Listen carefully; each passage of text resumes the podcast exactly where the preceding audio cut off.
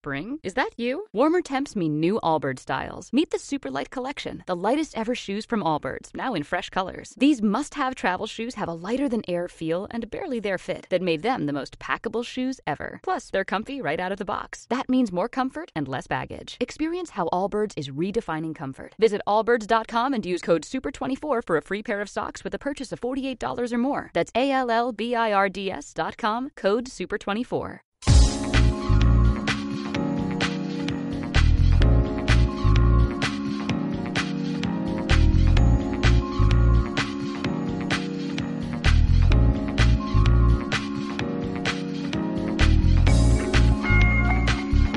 Destinados.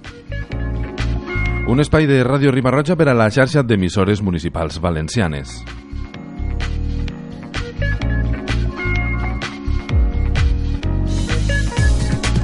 Avui en Destinados, Madrid.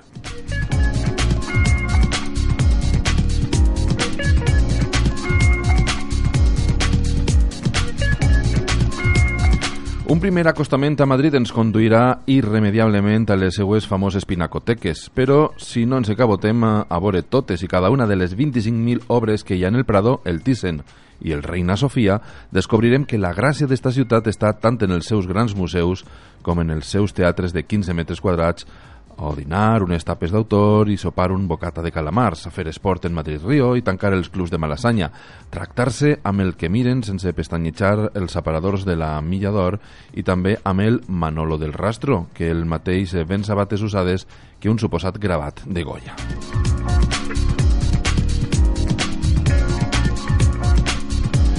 Comencem el dia, són les 8 del matí, corrent, pedalejant, patinant o remant en Madrid-Rio. Són 6 quilòmetres de passeig energètic des del carrer de la Ribera del Manzanares fins a Legazpi, enfilant en miradors amb vistes al Palau Reial i la Catedral de l'Almudena, ponts d'avantguarda, com el de Dominic Perrol, zones d'oci esportiu, skate, BMX, acrobàcies amb bicicleta, escalada, petanca, pàdel, tennis, circuits biosaludables, àrees de joc infantil, tobogán, supertirolina, jungla dels boscos de pals, una platja amb hamaques i al final el Centre d'Art Contemporani Matadero.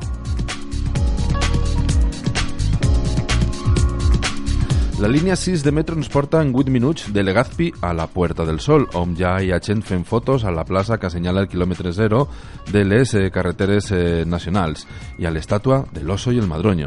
Podem desdijonar napolitanes en la mallorquina, que porta des de 1894 en el número 2 del carrer Major, o xocolate amb xurros en Sant Ginés, que es va inaugurar el mateix any en el passadís homònim. En l'Ardi serveixen des de junis light i salats.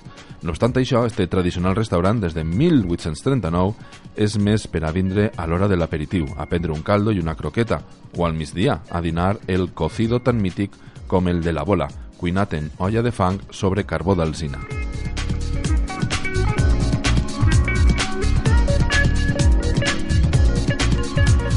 Els tres museus eh, més visitats de Madrid, els que cal veure sí o sí, són els que formen l'anomenat Paseo del Arte. En el Prado, els majors imants de mirades són Las Meninas de Velázquez i Los fusilamientos del 3 de mayo de Goya. En el Museu Thyssen, on la gent es para més, és davant del díptico de l'Anunciació de Van Eyck i del retrato de Giovanna Tornabuoni, de Girlandaio. I en el Reina Sofia, davant del Guernica, de Picasso. També és un poderós reclam la seva magnífica col·lecció de quadros de Dalí, inclòs El Gran Masturbador, i el propi edifici del segle XVIII amb l'ampliació que va fer Jean Nouvel entre 2001 i 2005. Per a estalviar hi ha un abonament Paseo de l'Arte que permet visitar els tres museus pagant un 20% menys. Per a estalviar més, podem aprofitar els horaris d'accés gratuït que tots tenen. En el Prado, per exemple, és de dilluns a dissabte de 6 a 8 de la vesprada i diumenges i festius de 5 a 7. Eh, també podem veure sense pagar les exposicions de Caixa Fòrum, si som clients del banc i sense necessitat eh, d'estar associats ni ser client la Fundació Mafre i la Fundació Canal. Fora d'esteix eh, també són gratuïtes les exposicions de La Casa Encendida i del Matadero.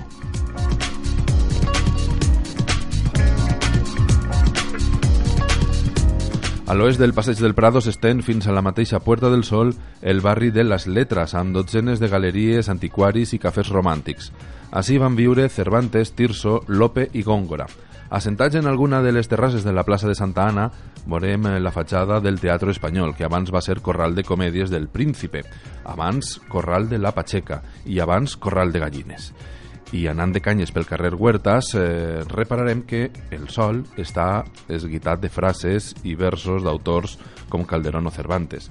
Per cert, que en el número 87 del carrer Atocha es pot veure, amb cita prèvia, una rèplica de la imprenta de Juan de la Cuesta, casa eh, on es va fer la primera edició de El Quixot, en l'any 1605. Ara és seu de la Societat Cervantina i sol haver-hi exposicions i teatre. Hora de dinar, en el barri de Les Letres es cuida també la cultura gastronòmica. Estado Puro ofereix la seva cuina de disseny en forma de tapes amb una animada terrassa. També picoteig de nivell és el de Vicul, bon vi, coques i hamburgueses gourmet torrades en fort de carbó i cuidada cocteleria. En el mateix carrer, la cuina murciana de El Caldero i la madrilenya de Casa Alberto són velles conegudes dels madrilenys. Si busquem la qualitat suprema, prop del barri tenim la Terraza del Casino, un dels millors restaurants de la ciutat. A l'altre costat del Paseo del Prado, junt al Retiro, Viridiana i Orxer ronden l'excel·lència.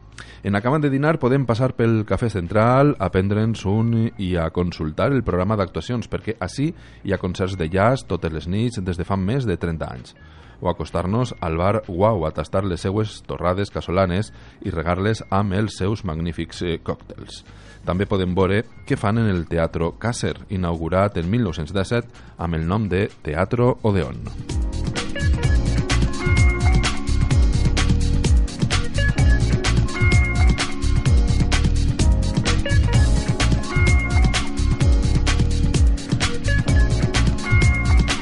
Hem de passar-nos pel retiro per a saludar dos veïns il·lustres. Un és Lucifer, que des de 1885 es mostra en la part alta de la Fuente de l'Àngel Caído, l'únic monument dedicat al diable que hi ha en el món, segons diuen.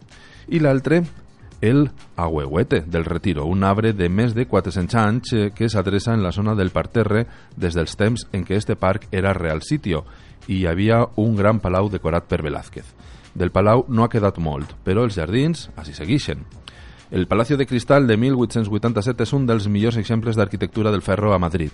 De la mateixa època és la pròxima estació de Atocha, que Moneo va remodelar en 1992 transformant l'antigua nau d'andanes en un hivernacle tropical. Per arribar, baixem per la costa de Moyano amb les seues casetes de llibres de segona mà.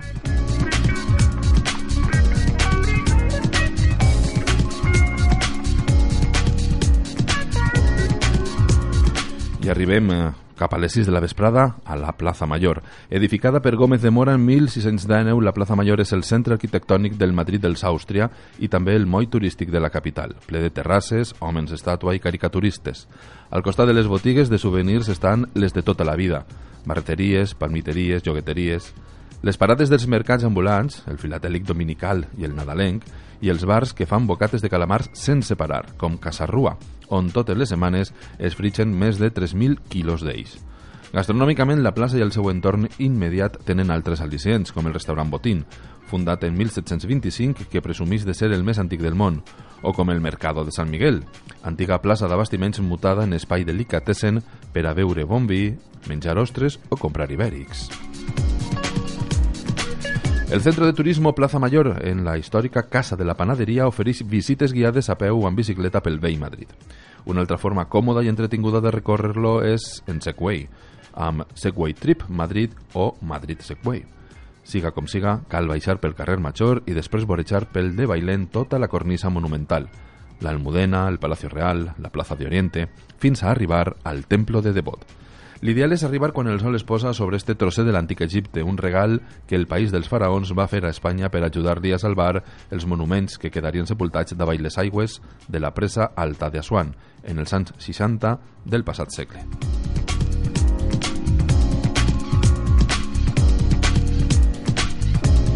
Al sud-oest de la Plaza Mayor, entre els carrers de Toledo i Bailén, es troba el barri de la Latina, amb infinitat de bars i restaurants sempre plens.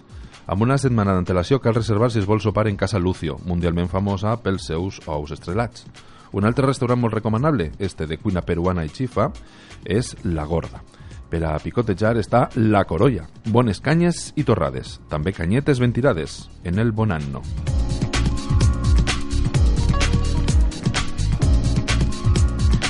Si no tenim pressa per anar a dormir, podem entrar en Berlín Cabaret, reducte de La Movida, on hi ha, fins a molt tard, actuacions d'humoristes, mags i cabareteres.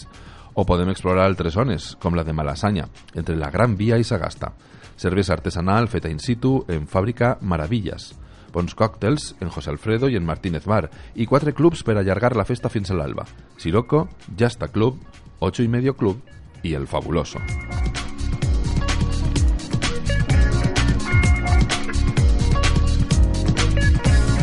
Comencem la nostra segona jornada, 9 i mitja del matí. Eh, si el segon dia és diumenge o festiu, el pla és acostar-se a la plaça de Cascorro per a fer una volta pel rastro, el mercat a l'aire lliure més gran d'Espanya, en les més de 1.000 parades on hi ha de tot, des de roba de primera i segona mà fins al forrellat del desaparegut Palau de Arevalo, on va viure de joveneta Isabel la Catòlica. Si no és dia de rastro o les aglomeracions ens espanten, una bona alternativa és el Museu del Traje, on veurem des d'un gipó del segle XVII fins als vestits de Givenchy que va lluir Audrey Hepburn en Desayuno con Diamantes. Altres dos museus del top ten madrileny són el Sorolla, que atresora la major col·lecció de pintures i dibuixos de l'artista en què va ser sa casa, i el de Ciències Naturales. Amb dos estan a 10 minuts l'un de l'altre. Junt a la Castellana.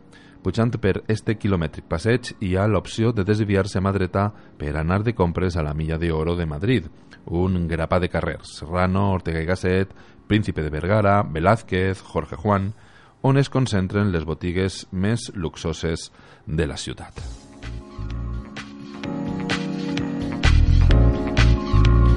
Per als apassionats eh, del futbol, i en particular del Real Madrid, dinar en el restaurant eh, Puerta 57 o en el Real Café Bernabéu, amb dos dins de l'estadi, amb vista a la quasi sagrada xespa, és una cosa difícilment superable, sobretot perquè no es menja gens mal. Per als menys futbolistes, l'entorn de l'estadi té també atractius gastronòmics, com el restaurant José Luis, de cuina basca, encara que en la seva carta no falta el cocido madrileño i per als més exigents, en la Castellana o prop d'ella, es troben alguns dels millors restaurants d'Espanya com Sant Celoni o Zalacaín, amb dos al costat del Museu de Ciències Naturales. Tampoc estan molt lluny de la gran artèria madrilenya Diversió, Sergi Arola Gastro i Ramon Freixa.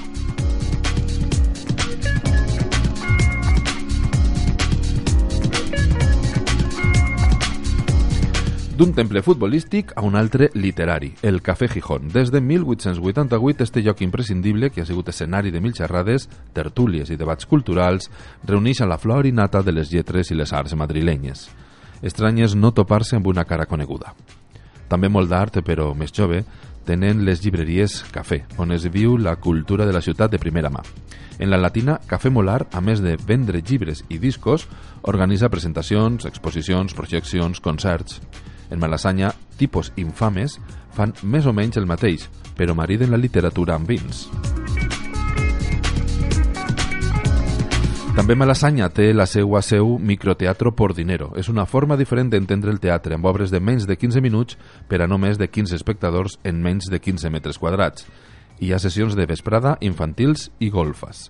I hi ha un bar per a entretindre les esperes entre funció i funció amb unes canyes i unes empanades casolanes. En el cor de Chueca, enjuerna el renovat Mercado de Sant Anton, un lloc on comprar productes gourmet i tomates que saben a tomates. És també un espai per a dinar i sopar i compta amb una terrassa per a veure com la lluna s'enfila per les teulades del barri.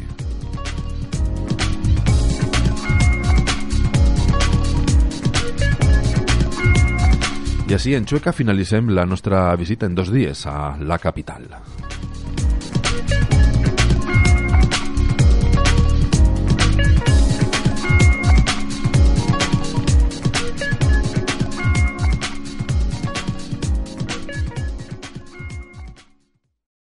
Amplify your career through training and development solutions specifically designed for federal government professionals. From courses to help you attain or retain certification, to individualized coaching services, to programs that hone your leadership skills and business acumen, Management Concepts optimizes your professional development. Online, in person, individually, or groups, it's training that's measurably better. Learn more at managementconcepts.com. That's managementconcepts.com.